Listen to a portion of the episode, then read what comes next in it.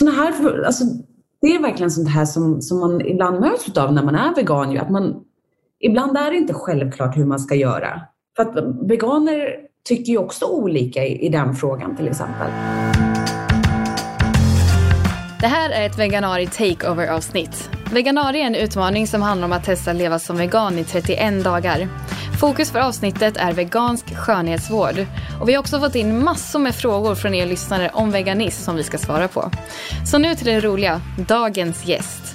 Hon brinner för djurens rättigheter, skönhet och psykisk ohälsa och sedan 2013 så driver hon en av Sveriges största Youtube-kanaler med över en miljon prenumeranter. Hon har skrivit flera böcker och ligger också bakom superpopulära skönhetsmärket In Beauty och jag är så glad över att hon är här. Då säger jag välkommen och hej till Therese Lindgren. Hej Sara, kul att vara här. Ja men så kul att ha dig här och jag tycker vi hoppar rätt på ämnet det vi ska prata om och jag, jag vet att den här frågan är verkligen en sån fråga som jag som vegan och många veganer alltid får det första man får när man säger att man är vegan. Så därför får du den nu. Hur länge har du varit vegan? Eh, ja, det är verkligen en sån fråga som man får. eh, vet du, jag blev aldrig vegan över en dag sådär, utan det tog väldigt lång tid. Det tog nästan ett år för mig att bli vegan. För att, dels för att jag hade ett ganska långsamt Eh, alltså jag, jag, kom fram till, jag kom aldrig fram till att jag vill bli vegan utan det började med att jag såg Youtube-videos om hur grisar hade det. Och då kände jag så här, nej men gud, svenska grisar, får de inte gå ut? Får de, får de, får de aldrig vara utomhus? Spenderar de hela sina liv inomhus? Och då kände jag att jag kan inte fortsätta äta gris. Men så fortsatte jag äta ko och kyckling och sådär. Och sen så blev det liksom att jag uteslöt det ena djuret efter det andra. Så därför tog det ett år för mig innan jag blev vegan. Men det var någonstans där runt 2016 som jag blev vegan. Så fyra, fem, fem år då. Mm, mm. Du har fått eh, väldigt mycket frågor, för vi, vi har slängt ut frågan till våra lyssnare om, eh, om de hade några frågor till dig om just veganism och veganer och sådär. Så du har fått jättemånga frågor. Vi kommer tyvärr inte hinna gå igenom alla. Men jag tänkte vi ska börja med några av dem, för det handlar om just, om just det här då, att så här, hur länge du har varit vegan och så, för det var många som undrade det. Um, men jag kan också säga att om man vill veta mer om din veganresa så ska man ju läsa din bok också. För där står det ju verkligen klart och tydligt eh, hur, di, hur, din, alltså hur din resa gick till. Vem bryr sig? Eh, men, men Malin har en fråga till dig och hon undrar vad det var som var svårast med att bli vegan. Jag skulle inte säga att det har varit svårt att byta ut olika maträtter för att jag, var så, jag blev ju vegan för att jag brinner för djuren. Och då var det så lätt det var lätt att utesluta allt kött till exempel. Det var, det var lätt att sluta med mejeriprodukter. Särskilt också för att jag, jag tror, jag tror att det måste ha varit mycket svårare för de som blev veganer för tio år sedan när det inte fanns samma substitut. Nu är det ju så lätt. Alltså, du kan köpa veganskt på McDonalds, du kan köpa veganskt in, inte i alla småstäder på alla restauranger, men, men det finns så stort utbud så det, det, är verkligen inte svårt. Och så finns det så mycket information på internet så, så den delen var inte svår. Utan det som jag i så fall tyckte var mest svårt var att jag inte hade, eller jag, jag kände att jag, jag ofta i privata sammanhang var tvungen att svara på frågor. Jag hade liksom familjemedlemmar och släktingar och vänner som, som ville argumentera och som ville förklara för mig att djurhållningen är inte alls så som jag har läst och jag ska inte tro på allting som jag ser. Och de känner absolut någon granne som har haft en bondgård som behandlade sina djur jättebra. Och att, jag, att varje släktmiddag eller varje söndagsmiddag blev liksom en, en att jag var tvungen att debattera. Och jag hade ju inte all insyn. Jag har ju inte, hade ju inte all koll när jag precis blev vegan. Så jag tyckte faktiskt att den delen, typ den sociala, var jobbig. Men det, det har kanske att göra med att min min familj inte var så himla accepterande till en början. De tyckte det var jättekonstigt. Men det tror jag är ganska vanligt, för det kunde jag också känna också. Jag vet många kompisar som är veganer som har sagt samma sak, att det blir som att man blir en representant för alla veganer. Eh, och att man då måste liksom känna att man verkligen kan sin sak. Och det kan ju vara jättejobbigt om du precis har tagit det här valet att du ska testa att vara vegan och sen måste det plötsligt representera vad alla veganer i hela världen tycker och tänker om saker och ting. Och jag tror väl att det är kanske är det man får komma ihåg att liksom så här, det, är inte, det är inte din plikt att kunna svara på allting från början och för att kunna förenkla en sån situation på många sätt. Men, men vi har en till fråga just kopplat till det här faktiskt, eh, när vi ändå är inne på det. Det är Jula som frågar vad det är det jobbigaste sociala som har hänt dig som är just kopplat till din veganism? Det kanske ja. finns flera olika kan jag tänka mig. Det finns många sådana tillfällen när jag har suttit vid, alltså på julafton och behöva ta en diskussion med en familjemedlem som inte ger sig, som vill fortsätta att berätta för mig hur djurhållningen fungerar när jag har läst på. Jag vet hur det fungerar. Eh, och att behöva vara den personen som gör att stämningen, eller det är jag tillsammans med den andra personen som gör att stämningen blir lite tryckt. Det är jobbigt. Men sen har jag också tyckt att det har varit lite jobbigt just för att jag, jag valde att vara väldigt öppen med min veganska resa och, eh, och jag, jag har nästan inte mött på något, något negativt överhuvudtaget utan de som följde mig där under 2015-2016 när jag blev vegan, alla, tyck, alla var så nyfikna på min nya livsstil och min nya kosthållning och sådär. Så, att, så att jag, jag mötte jättemycket positivt, hej, positiva hejarop. Men däremot så, så en, jag vet inte om det här räknas som en social eh, grej, men, men jag började få frågor så här, Jaha, men dina skor, är inte de limmade med ett, med ett lim som inte är veganskt? Och de här lampknapparna som du, att man, att man drar det väldigt, väldigt långt. Den delen har jag tyckt varit lite jobbig. Att jag, jag har känt som att jag har blivit eh, tryckt mot, ställd mot väggen ofta. Mm. Jag förstår det och det tror att eh, det, man kan nog känna så också att Eh, det är hela eller jag har känt så när jag, sen jag blev vegan att det är hela tiden nya saker man lär sig om. Och bara, man kanske har köpt någonting som man hade inte någon aning om att det inte var veganskt. Liksom, och att, att det blir en resa. Och det blir extra speciellt för dig kan jag tänka mig som liksom är i rampljuset på det sättet också. Eh, men den här frågan är lite intressant. Vi tar en, en, en, en eh, sista lyssnarfråga för nu. Vi ska komma tillbaka till dem sen. Men Tuva undrar vad det, vad det senaste dilemmat eh, om veganism är som du har stött på. Oj! Ja, ja inte lätt. Har du någon sån på rak arm? Eh, bra fråga. Eh, det senaste dilemmat om veganism som man stött på. Ja, men för, mig, för mig har det varit eh, när man har hört om eh, alltså att det kan vara handla om om man ska välja mellan det mest klimatvänliga eller det veganska. Sådana ja. dilemmor är väl ganska vanliga. Absolut, absolut. Det är nog det vanligaste. Ja. Det, man måste ta ställning till eh, alltså nästan varje vecka tycker jag. Men hur, hur ställer du dig till det? När du får så här, man vet att kanske något alternativ, oftast så är ju det veganska mer klimatvänligt också, men ibland är det ju faktiskt så att en vegansk produkt eh, och en klimatvänlig produkt är två helt separata saker. Eh, vad, vad ska man, hur tänker du i sådana situationer? För mig så, så kan jag inte välja något som inte är veganskt. Eller som, alltså, min, eh, min relation till djuren eller min empati till djuren, eh, alltså den, den liksom trumfar allt. Eh, så, att, så att det blir alltid att jag, jag väljer djurens bästa före klimatet. Och, och, det blir ju så här, ja men i, i förlängningen så är det klart att klimatet det har ju också med djuren att göra. Så, att, så det, det är svårt, men, men det brukar alltid vara att det som blir bäst för djuren trumfar allt. Mm. Alltid på djurens sida, som vi säger på Djurens eh, yes, som sagt, vi kommer tillbaka strax med eh, fler frågor från lyssnarna. Men eh, en, en fråga som jag undrar är, så här, vad är det då som för att avsluta lite positivt till nu, för nu om veganism. Vad är det liksom som gör att du fortsätter att vara vegan dag efter dag sen, sen du tog beslutet?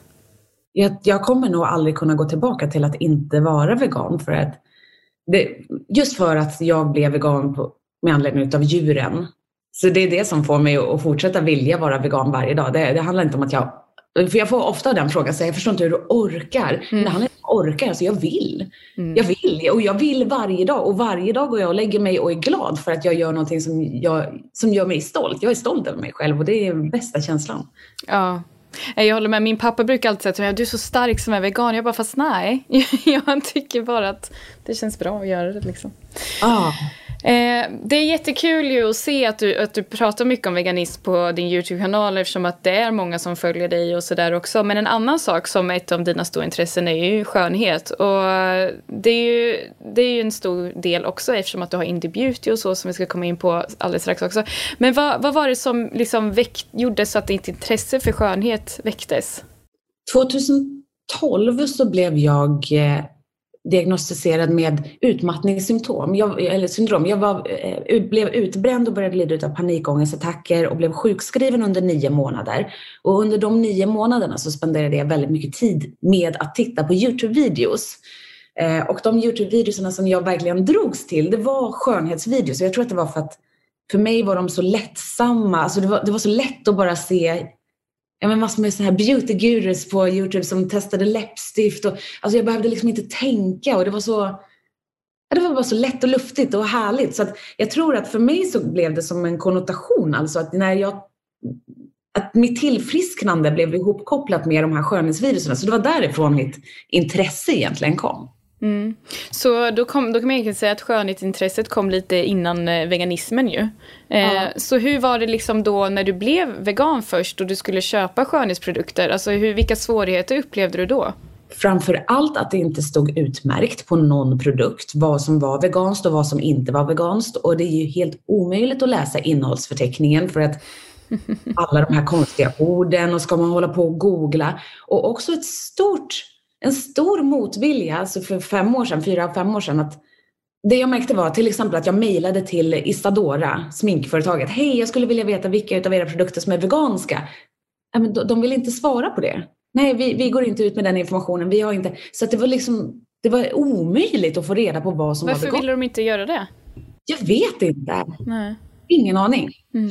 Så det, det tycker jag var det svåraste. Så det var omöjligt för mig att veta vad som var veganskt och inte. Hur tacklar du det då? När du, för att kunna få hem veganska produkter? Då fick man ju köpa utav sådana här indie-märken, alltså sådana som små märken som bara gjorde veganskt, vegansk smink och hudvård och hårvård. Ja, det, det, det, är verkligen en djungel och det kan det ju fortfarande vara idag. Vi ska komma in på just marknaden idag. Men alltså, vad, vad tycker du ändå var det, vilken, alltså om man ser till idag, eftersom att det, jag kan tänka mig att du får många eh, frågor eh, om det här. Vilka är de vanligaste frågorna du får just om, om skönhetsvård kopplat till veganism, om man säger så? De, de flesta undrar bara varför inte alla är veganska. Ja. Varför, om man nu kan göra hudvård och kosmetika och hårvård utan animalier. Varför gör inte alla det? Ja, varför är det inte så? Det var faktiskt min nästa fråga. Men jag vet inte, för att det är inte dyrare att göra det behöver inte vara dyrare. Eh, det som har varit svårt när jag har tagit fram Indie Beauty och våra produkter, det har varit att Eh, de här leverant eller våra fabriker som gör produkterna, vi har ju inte egna fabriker utan det är fabriker som gör kosmetika och hudvård åt många andra märken. För det är så det fungerar i branschen. Och där har vi märkt ett ganska stort det har varit svårt att få dem att vilja experimentera och ta fram helt veganska produkter. Så där har vi verkligen behövt ligga på och det har tagit mycket längre tid för oss att ta fram veganska produkter än vad det hade gjort än vad det hade tagit att ta fram icke-veganska. Eh, men det har ju gått. Så att och är det bara då att det är svårt för dem för att de inte har gjort det förut? Eller vad är det som... Mm. Exakt, det är bara det. Mm. Så då, då är det kanske det det är kopplat till helt enkelt varför det inte är bara. För att det helt enkelt har funnits den efter... Alltså det har bara inte varit att det, man gör så ja. innan. Och då blir det ett hinder. Men, men vad är det egentligen, för det man tänker på, det jag tror många undrar över också, eller som jag vet att jag undrar över själv när, när jag blev vegan och så här, jag gick, jag ska ärligt talat säga att jag gick länge och köpte mascara och smink och saker utan att tänka på att det inte var, alltså jag tänkte inte på det, det var bara så här, jag, det är ju, jag är vegan och jag går och köper mitt smink liksom. Men vad är det i, vad är det i smink och skönhetsvård som, som är icke-veganskt egentligen? Det vanligaste som man brukar prata om det är de här röda läppstift eller röda pigment, att de innehåller små eh, skalbaggar som man krossar. Det är små, små, så det är, som, det är snarare löss än skalbaggar som man krossar så man får det här röda pigmentet av. Det är väl det vanligaste. Men sen är det också äh, ingredienser som kommer från lammull, det kommer från olika fett. Alltså du, du vet, mycket hudvård innehåller ju snigelsekret. Alltså det är allt möjligt alltså. Hon bara, mm, det ska jag sätta på mitt ansikte. Ja. Känns trevligt. Fy. Veganer är extrema. ja, exakt. Och men det är också så konstig grej, alltså, varför har man inte fått reda på det innan? Eller varför, varför är det ingen som har sagt det? Vad det är man sätter på fejat liksom? Det är helt sjukt egentligen. Ja. Tack och lov att man blev vegan så man fick reda på det. Vad tycker du annars är då en, en vanlig missuppfattning när det kommer till veganska skönhetsprodukter? Har du märkt av något sånt? Ja, en missuppfattning som jag får, eller hör ibland är dels att veganska produkter skulle vara sämre, men också att det är många som tänker så här, och veganskt, det här är generellt, alltså inte bara när det kommer till skönhetsprodukter utan också livsmedel och kläder, allt möjligt, att veganskt blir mer syntetiskt. Alltså att man så här, okej, okay, ifall man inte använder de här skalbaggarna, då måste man ju ta fram det här pigmentet på en kemisk väg och det känns inte bra att lägga kemikalier i ansiktet. Eller det känns inte bra att äta eh, den här veganska korven för att om inte den är gjord av kött, vad är den då gjord av? Det är massor med kemikalier och jag vill inte äta. Och det för mig blir, alltså jag tror att man, man gör liksom en tankevurpa som att det skulle vara mer naturligt att ha de här skalbaggarna på läpparna eller att äta en ko som har ätit antibiotika och som äter besprutade livsmedel, soja från andra sidan världen. Ja. Men är det sant då? Är det massa dåliga kemikalier i veganska, veganska skönhets... Alltså om man, om man ska jämföra så. Nu vet vi ju vad som, att det är bara massa äckliga grejer i annat. Men...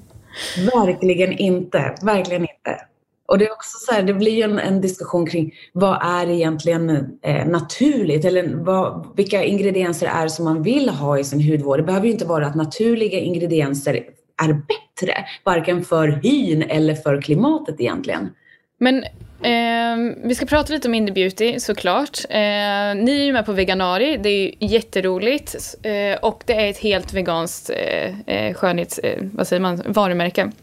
Och jag, som jag förstår det så startade du Indie Beauty för att just det fanns så lite smink och, och hudvård som, som var vegans. Men var det liksom så här, alltså hur startade det? Var det att du vaknade och insåg att när du gick och köpte dina produkter att så här, fan så här vill jag inte hålla på, jag vill ha ett större företag. Eller liksom man vaknade en dag och bara, nu gör jag det här. Eller hur, hur var liksom den processen till att gå från den idén till att det faktiskt blev verklighet? Jag hade redan ett samarbete med ett företag som då hette CCS Healthcare. Jag hade tagit fram lite mm, handprodukter, alltså handkräm och lite läppglans som en egen liten minikollektion med de här CCS Healthcare. Och, eh, och det var med dem som jag startade In the Beauty med CCS Healthcare för att jag eh, berättade då om mina egna erfarenheter och om mina följares erfarenheter att vi alla har svårt att hitta vegansk hudvård. Eh, och de såg också då att, att det var en lucka i marknaden och tillsammans så startade vi Indie Beauty. Mm, and the rest is history. Ja.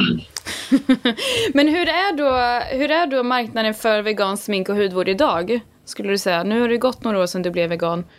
Det blir, mer och mer varumärken blir veganska och även varumärken Eh, som inte är helt veganska märker ju nu för tiden, till exempel Isadora, de märker ju idag ut vilka produkter på deras hemsida som är veganska så att det finns en helt annan transparens.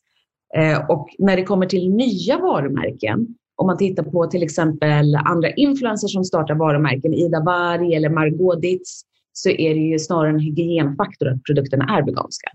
Eh, så, att, så att det är inte längre en, en, stark USP för oss. I början så var det verkligen så här, här är Indie Beauty och vi gör bara veganskt. Medan idag är det så många som gör veganskt. Så, att, eh, så att det räcker inte så att ha som den starkaste USPen ur ett eh, varumärkesperspektiv för oss. Och det är jättekul att det verkligen har blivit så, att det inte är en USP för er längre på ett ja. sätt. För att, att det blir så mycket enklare att få tag på ju. Ja. Nu finns det mindre saker, eller färre saker som folk kan säga till varför man inte blir vegan.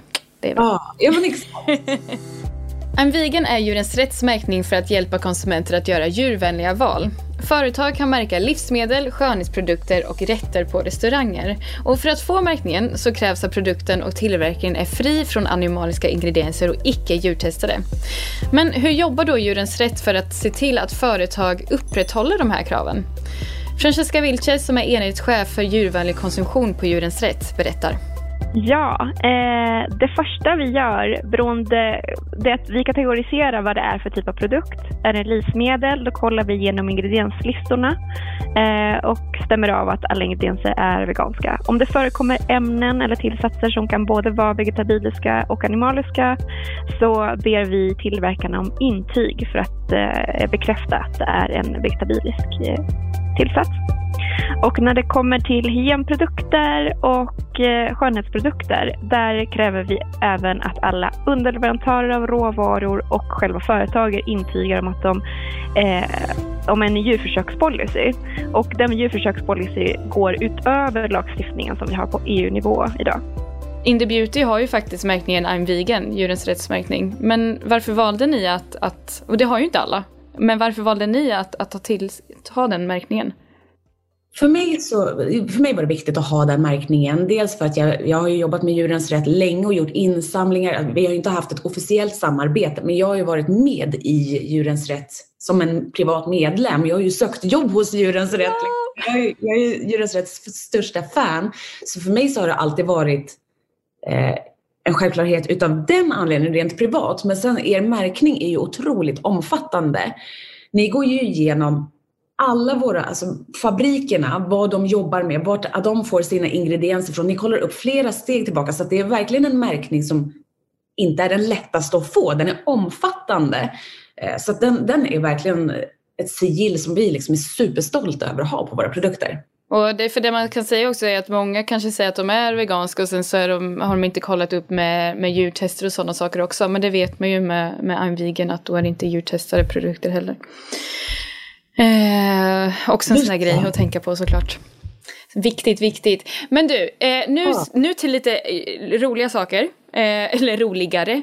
Vi, ja. Jag vill veta alltså, hur Therese Lindgrens rutiner för skönhetsvård ser ut under veganuari. Alltså vad, vad använder du själv för produkter varje dag? Hur, var, varför och liksom när? Jag sitter ju till exempel ofta med er ansiktsmist från Indie Beauty. Jag har den liksom vid skrivbordet Aha. och sen så när jag behöver lite uppfräschning så bara så känner man bara ah, livet är bättre. man lossnar man är i någon, jag vet inte, sorts storm. Ja, jag vet inte. nu är det äntligen snö här i Stockholm. Ja. Jag älskar snön. Eh, och min hy den blir jätte, jättetorr. Så att min rutin nu det är bara massa fukt, fukt, fukt. Jag har väldigt sällan smink. Nu har jag lite smink på mig men, men annars är i januari så brukar jag inte ha så mycket smink. Men, eh, men det är bara massa fukt. Det är min rutin. Har du några produkter på plats du vill visa upp? Nej. Nej. Då, då... Jag har tyvärr inte det. bara på ansikte. Men har du några du vill namedroppa? Just från, som passar nu från Indie Beauty tänker jag, som passar bra för vinterhy och under veganari just för de som ska testa eller kör veganari och vill testa någon produkt. Ja, jag tror att det är många som kan relatera med att man känner sig torr så här på vintern, att man måste smörja in sig mycket. Vi har ju dels handkräm som jag älskar att ha på på, särskilt så här på vintern. Varje kväll så smörjer jag in mig med handkräm. Vi har några som luktar jättegott, en aprikos och en vanilj. Men det som jag framförallt skulle vilja tipsa om det är att vi har bra exfolierande produkter. För att man kan ju lägga på, alltså i ansiktet och på kroppen pratar jag om nu, så kan man ju lägga på hur mycket fukt som helst. Men har man inte exfolierat bort det översta torra hudlagret som, som redan är död hud som egentligen bara väntar på att falla av, då kan ju inte den här fukten penetrera. Så att man behöver ju någon gång i veckan exfoliera bort och det kommer göra stor skillnad sen. Att man kan ju använda hur bra produkter som helst med hur mycket fukt som helst men har du som ett, ett skal utan hud över så, så kommer inte de där produkterna kunna eh, penetrera. Och då har vi en, eh, en exfolierande ansiktsmask som man bara har på ansiktet i en minut. Den exfolierar och alltså tar bort det översta hud inte översta hudlagret, men den tar bort döda hudceller eh, genom både enzymer och syra och eh, små, små korn, inte plastkorn såklart. Eh, så den skulle jag vilja tipsa om. Den finns på alla apotek och på Lyko och, och sådär. Och den, det är den här 3 in 1, eller vad heter den? Ja, exfoliating mask eller något sånt, just det. Men vad, vad är skillnaden på den, för det, då är det, okej okay, så det är det som, för jag undrar vad som var exfolierande och det är skillnaden på det och body för ni har ju någon skrubb också till ansiktet. Det, vad är skillnaden då? Vi har bara den här exfolierande masken mm. för ansiktet. Det är den enda exfolierande produkten vi har för ansiktet. Sen har vi en skrubb för kroppen. Mm. Okay. Den innehåller också små korn och enzymer och, och AHA, alltså syra. Okej. Okay. Bra tips. Då får man börja exfoliera huden och köra på misten och sen så är man, har man vinterglowet sen. ja, vad härligt. Eh, som sagt, vi har jättemånga frågor från, från lyssnare så jag tänkte att vi ska, ska kika lite på dem också nu. Och några av dem handlar just om skönhetsord i Indie Beauty så vi går ju lite över till dem lite smidigt sådär. Eh, och då är det Stina som undrar om du någon gång har fått negativ respons på att dina produkter är veganska? Nej, aldrig. Inte? Nej. Nice. Det var kort och enkelt svar. Nästa. Ja. Eh, ja men vad härligt. Då har vi Jessica nästa fråga. Jag använder dina ansiktsprodukter men behöver nog för mogen hy. något på G. No, något, ja, något för mogen hy kanske hon menar. Ja, absolut. Jag är ju själv 33 år och börjar väl få mogen hy. Jag vet inte riktigt var gränsen går, men det, det skulle jag nog säga. Så att absolut, vi, vi har det i pipen. Vi kommer att, att lansera ännu mer produkter som är mer avancerade. Vi har ju en serie som är, består alltså, utav vår hudvård som består av rosa produkter. Alla förpackningar är rosa. Och det är väl det är som en egen serie och sen så har vi också nu börjat släppa några vita produkter i vita förpackningar och det är vår mer avancerad hudvård. Och den serien planerar jag att utveckla ännu mer och släppa mer avancerat som kommer vara ännu mer anpassat för mogen hy. Okej, när, när kan vi förvänta oss det ungefär? Vet, vet vi det? I år? I år! Åh, oh, 2021 i EU. Vilken månad. Ja, men 2021 definitivt. Kommer det expanderas ännu mer Indie Beauty? Nu är det bara en intressefråga för mig. Eller hur ser liksom planerna ut för, för Indie Beauty? Jag har inte haft några tankar på, för det, det, det, jag får ofta fråga så här, ska ni ta över världen? Ska ni Exakt. expandera till USA, Amerika? Eller vad, Alltid USA såklart. Mm. Ja, jag har inte några personliga mål som har att göra med en expansion utanför Norden, skulle jag säga, eller Skandinavien. Utan det, det, är inte där som mitt fokus ligger, utan mitt fokus är, hela, är, är Sverige framför allt. Men, eh, men att bara utveckla vår produktportfölj så att den blir större och med fler produkter och, och att göra produkterna bättre hela tiden. Kul! Det ska bli jättekul att, att följa och se vad som, vad som kommer framöver. Eh, nu har vi från Linnea som eh, ställer en liten, ja, kritisk fråga vet inte, men varför har du inte parfymfria produkter som är skonsamma för huden? Jag har många parfymfria produkter, ja. till exempel den ansiktsmasken som jag pratade om, den är parfymfri. Vi har en ansiktsolja som är parfymfri. Vi har många produkter faktiskt som är parfymfria. Men de här produkterna som jag nu pratade om alldeles nyss, som jag håller på att utveckla nu för den här avancerade linjen. Alla de kommer att vara helt parfymfria. Ah, så det kommer. Nice, mycket kul på G. Sofia undrar om det finns planer på att göra Indie Beauty mer miljömedvetet? Ekoförpackningar etc. Det jobbar vi med hela tiden. Vi har ju våra hårvård till exempel. Alla de produkterna är ju i flaskor som är utav återvunnen plast. Och det håller vi också på att kolla nu på den här avancerade serien, att den också ska vara utav återvunnen plast. Den är inte det idag, men det är något som vi kollar på hela tiden. Och vi jobbar också mycket med att när man fraktar produkter, alltså när vi skickar dem från vårt lager till Lyko eller till Apotea, eh, så är det inte bara vi, utan alla, alla företag har ju sina produkter i en papperskartong och så är det ofta plast runt och så är det plast i förpackningen för att de inte ska klirra mot varandra.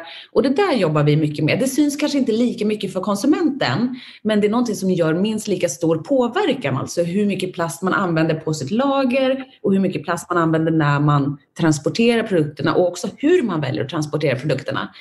Ehm, så vi, vi jobbar mycket med det. Vi använder också många ingredienser i våra produkter som är ekologiska, många produkter som är väldigt bra för klimatet. Men vi, vi behöver absolut bli bättre på att kommunicera kring det. Det är någonting som jag har som mål för mig i år, att, att jag pratar inte så mycket om det, men vill, vill definitivt prata mycket mer om det. Det behöver Indiebut göra generellt. Mm, mm. Grymt. Eh, vi lämnar in Beauty lite nu, och, men det här, det här tycker jag är en väldigt intressant fråga. Nathalie undrar hur du gör när det kommer till att bli sminkad av andra inför event. Alltså, för ofta så kanske man, det inte används veganskt smink då. Eh, för mig, jag alltid veganskt. Jag säger alltid det. Om jag, nu blir jag sminkad väldigt sällan, men när jag väl blir det för en fotografering eller vad det kan vara, så säger jag alltid till i förhand att jag vill bara bli sminkad med veganska produkter. Och makeupartister nu för tiden är så himla vana vid det så de fixar alltid det. Eh, men i början, för fyra, fem år sedan, så var det inte lika vanligt att man hade det önskemålet eller kravet på en makeupartist. Så då brukade jag ta med egna produkter. Mm. Ja, det var så man fick göra till eh, restauranger och sånt back in the days också vet jag. jag, kom, jag, var på, jag var på någon så här eh, eh mackställ, alltså du vet mackcafé och sen så hade de bara en macka med, det var bara verkligen bara sallad och ingenting mer. Som tur var hade jag med mig min egna lilla cream cheese så jag kunde liksom Det var så, alltså jag, jag gjorde sånt förr i tiden för jag visste att man måste hålla på så här. Ska man få något gott att äta? Det var inte så bra reklam för veganism. Folk var så här, om jag är vegan måste jag ta med mig egen mat hela tiden. Det är inte så kul. Hur länge har du varit vegan? Eh, tio år är det. Oj! Ja, det är, det är ett tag ändå. Men vi har... Det måste vara Stor skillnad. Ja, men vi har ju folk på Djurens Rätt som har varit veganer sedan 90-talet. Det är sådana veganer jag är väldigt imponerad av som verkligen så här, eh, höll på när vi andra inte ens visste vad det var typ. Exakt. Så det är häftigt. Vi ska komma in lite mer på veganismfrågor. Jag tänker att du och jag kan hjälpas åt lite grann. För det handlar lite om, om både veganism generellt. Men, men eh, den här första är riktad bara till dig. Och det är från Rebecka som, som undrar varför du gjort samarbeten med, jag vet inte vad hon syftar till här. Eh, men varför har du gjort samarbete med företag som säljer päls? Frågar hon. Det har, det har jag inte. Nej. Då får, då, då, hon har inte specifierat nämligen vad hon menade. Men använd, för du använder inte, det är en annan fråga som var anonym, men använder du själv kläder med äkta skinn och päls? Nej. Nej. Nej. Nej, jag, jag, har, jag har aldrig samarbetat med något företag som säljer päls. Rebecka, om du hör det här så får du gärna specificera vad du menar. Så får vi försöka ta det vid annat tillfälle. My har skrivit en väldigt kort fråga och det är bara veganska hårfärger? Frågetecken. Jag antar att hon menar om vi har tips på veganska, andra märken som har veganska hårfärger. Vet du något sånt? Oj, nej. Jag färgar ju aldrig håret. Vil- vilken Eh, tur att jag har kollat med några kollegor om det här då innan. Ja, vad bra, berätta. Eh, för jag visste inte heller, jag var gud vad pinsamt att vi bara, båda sitter där, så kan ingen av oss. Eh, då fick jag bland annat reda på att Maria Nila, Directions och Tints of Nature ska ha eh, veganska hårfärger. Om man är ute efter det. Jag färgade inte heller håret så mycket så att jag har liksom, och jag är jättedålig på att komma ihåg sånt när man inte gör det så ofta. Så, eh, då vet vi det. Eh, Yes. och det här är en sån här fråga. ehm, som är, nu blir det väldigt hoppigt för det är så många olika frågor. Men det är Freja som undrar. Och det här är en så här tvättäkta fördom mot veganism som jag får höra jättemycket. Och du får säkert göra också. Men är det dyrare att äta veganskt? Eh, och det får jag höra ganska mycket att det är som ett argument. Alltså, men det är så dyrt att käka veganskt. Hur, får, får du höra det också? Ja. För att för mig är det liksom så här, nej, det behöver det inte alls vara. För dels så kan jag köpa i säsong. Alltså nu köper jag jättemycket rotfrukter och gör mycket så här rotfruktsgratänger, soppor och sådana saker. Bönor, hallå, behöver vi inte ens gå in på. Eh, och, och, så här, och sen visst, om du köper fejkkött varje dag då kan det bli ganska dyrt. Men som jag har förstått det så är det inte jättestor skillnad på, det, på priset per kilo på fejkkött som det är på liksom, kött från djur. Jag äter också väldigt lite halvfabrikat. Och då blir det verkligen inte dyrt.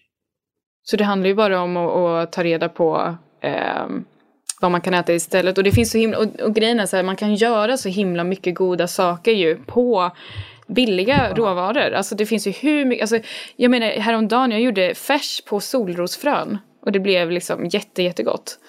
Eh, och det är ju hur billigt som helst att, att köpa. Och gula ärtor kan man också göra färs på. Så det finns ju och det är det jag kan tycka är kul, eller eller jag tycker det är det jag ändå vill uppmuntra folk till som, som kör veganer nu är att så här, go, alltså googla och se vad du kan göra med råvaror som du har hemma för det finns så du kan vara så himla himla kreativ och det är det som är så himla kul med att testa veganskt om du inte har gjort innan, tycker jag. Jag håller med. Mm. Skönt. Nora undrar, ja det här är lite intressant, hur är det att du är vegan men din man inte är det? För, eller ni är inte gifta va? Men det, your man, ja. ja. eh, hur är det att, att han inte är vegan? Äter han kött? Han äter aldrig kött här hemma i alla fall. Han äter kanske kött ifall han går på en restaurang eller ifall han umgås med män- människor, tänkte jag säga. Men här hemma, han äter ju aldrig kött här.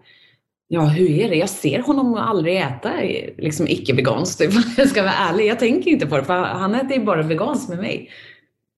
Och vi har ju liksom här i vårt hem, vi har ju inga dunprodukter. Han skulle ju aldrig få för sig att köpa ett par skinnskor eller ett skinnskärp. För att han, eftersom att jag brinner så mycket för det här eh, så pratar ju jag så mycket om det och jag tittar på så mycket dokumentärer och han gör ju det med mig. Så att även om inte han är uttalat vegan så, så skulle det ju inte liksom falla honom in att köpa ett par skinnskor. Jag, jag, tror, jag tänker också det för jag, jag, alltså här, jag hade ju själv ett ex som var liksom åt kött men han kunde inte ta till sig min veganism alls så det blev hela tiden att han lagade sin mat och jag lagade min mat. Och det för mig, alltså det funkade inte och jag märkte ju då efter det så här, men det, för mig, alltså det går inte liksom. Jag tänkte innan att det, det gör väl ingenting. Om han får äta sitt så äter jag mitt. Men sen så när man är inne i det där så märker man att, och jag, jag kan känna så här ju mer ju längre tid det har gått och ju längre jag har varit vegan, desto mer inbiten vegan blir jag. Som att det blir så ännu mer, att man tar mer och mer avstånd. Och det blev liksom så himla jobbigt. Och, och liksom att jag såg någon annan stå och laga någonting som jag, liksom, mina värderingar säger att det här är så fel liksom. Ja. Så för mig, den, när det är så så funkar det inte. Men jag kan tänka mig då kanske att det blir enklare om, om han ändå tar till sig av, av det du säger och, och att ni äter veganskt hemma och sådär såklart. Så blir det ju en väldigt stor skillnad. Har du djur? Nej.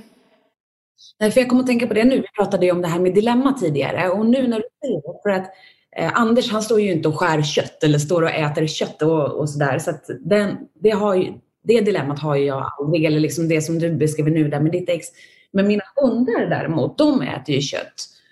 Och det får jag en del frågor om och liksom hur känns det och sådär. Så det, det var bara en nyfiken fråga hur, hur du kände där med dina djur. För att eh, det är faktiskt en fråga du har fått också om dina hundar äter vegansk mat. Hur, för att Det gör de inte. Nej, och för hon skriver också, Alexandra det som frågar, hon skriver också vet att det går att få tag på i andra länder.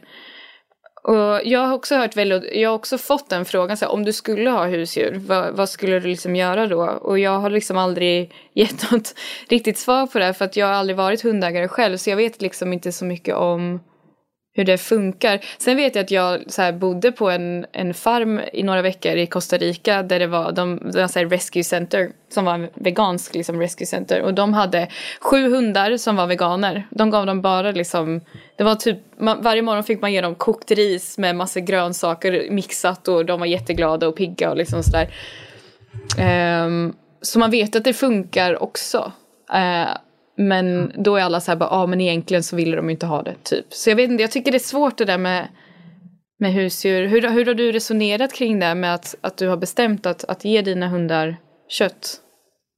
Det här kan man ju argumentera mot för att jag är inte en veterinär eller en djurvetare egentligen utan bara det som jag har läst tror jag att, att eh, hundar härstammar från vargar och att de, de mår bäst av en kost som består av kött.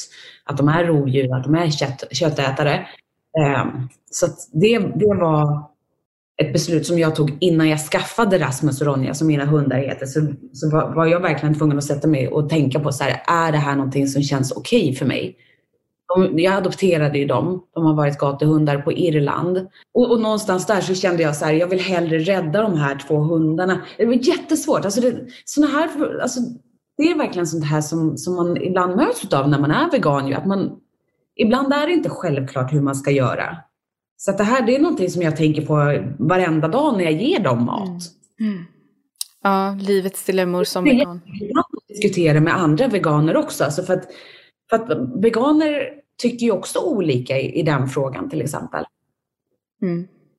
Ja precis, för, för, andra, för vissa är det absolut självklart att man inte ger sin hund kött liksom, och för andra är det inte. Ja. Och det är det som, som folk som inte är veganer kan ha svårt att förstå ibland också, att det finns faktiskt mycket inom veganismen som, som eh, liksom är olika för oss alla. Vi är alla människor också, inte bara veganrobotar. Ja.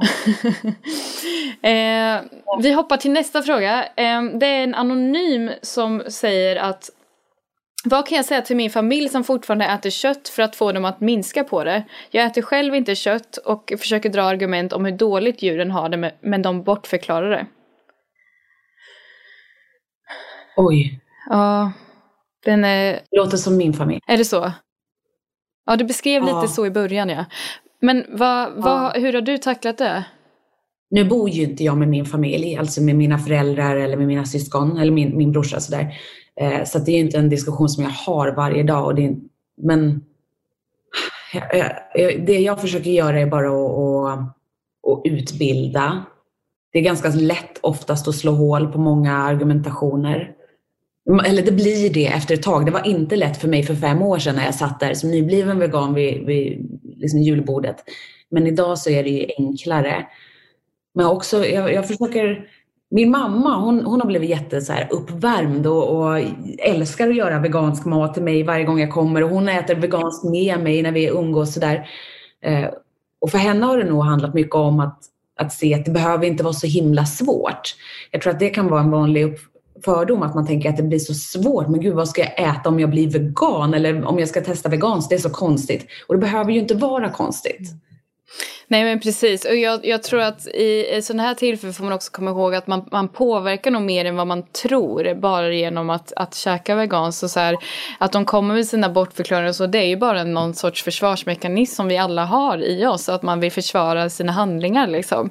Och jag märkte själv i, i min familj också att så här, min brorsa som var jätte skulle alltid skämta om, om så här, min veganism och eh, ja, men, skulle alltid dra sådana här dåliga köttskämt så fort vi åt. Och så här, nu bor inte jag heller hemma med dem längre men jag har märkt nu efter några år att så här, han har ju börjat äta mer veganskt nu och han ska göra veganari och liksom så här, och det hade han aldrig gjort för några år sedan. Så jag tror bara i sådana här lägen måste man nog bara ha tålamod med sin familj för att de kommer att så här, de, de lyssnar även fast man inte tror det tror jag. Eh. Det har du Exakt, ja. precis. Jag vill tro att det är så i alla fall. ja. ja. Eh, men vi har en, en Felicia som är 12 år och hon undrar om, om du kan rekommendera hur man kan göra om man vill bli vegan men bara är 12 år. Och gud vad svårt. Jag tycker att det är svårt att ge råd till barn eftersom att jag själv inte är förälder. Det är svårt. Jag tror att det, det, det, Felicia kan göra är ju att prata med en förälder om, om det här och att hon verkligen vill bli vegan eller kanske med någon lärare eller med, liksom så att man att så visa, att börja i den änden att visa och förklara varför man vill kanske och visa upp andra som är veganer, visa upp vegansk mat och eh, som man har sett säkert på, på Instagram eller, eller sådär att man kanske kan börja i den änden då.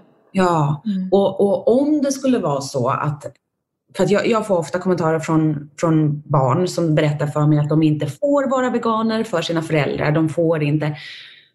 Och mitt råd då är så här, alltså jag, jag, kan liksom inte lägga mig i vad, vad olika familjer ska göra utan jag, jag får ju bara säga så här, men lyssna på dina föräldrar. Men det som, som man kan göra är också att börja med det, allt inom veganismen som inte är kost.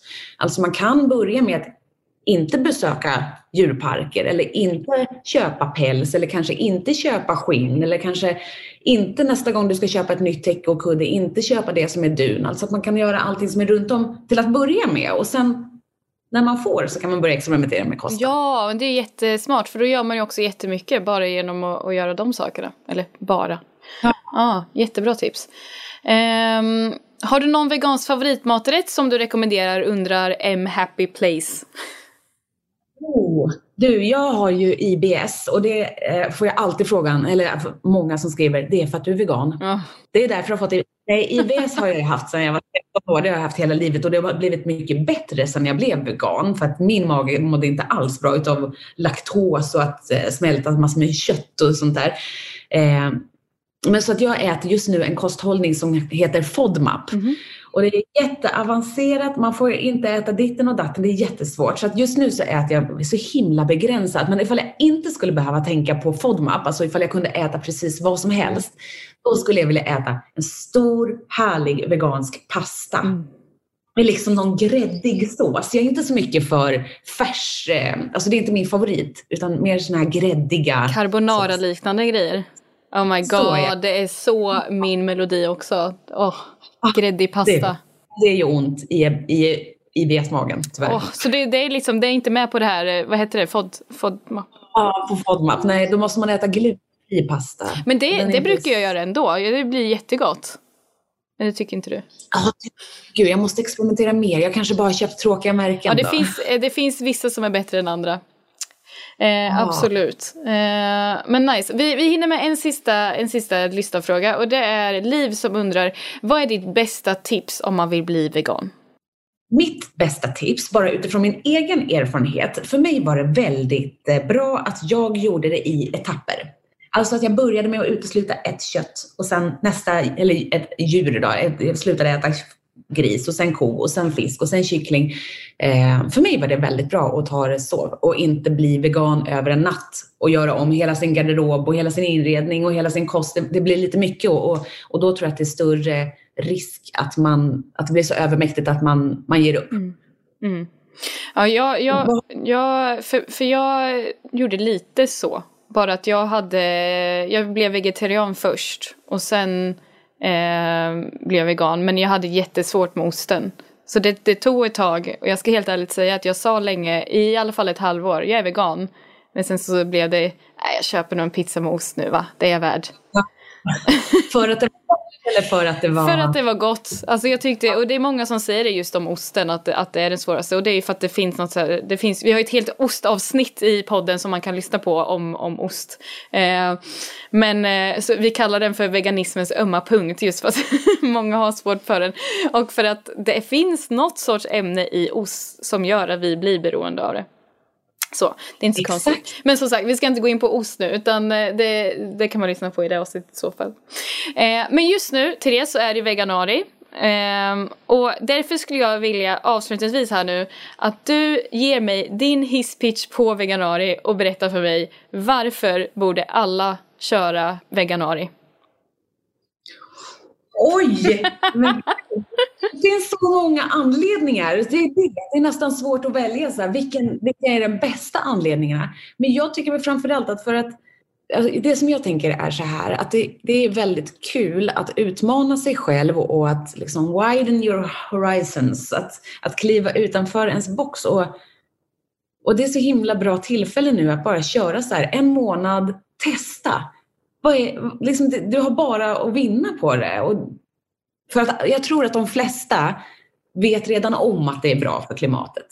Man vet redan om någonstans innerst inne att djuren i industrin inte behandlas så de, de behandlas inte etiskt, verkligen inte. Det, det, går ju inte att komma undan.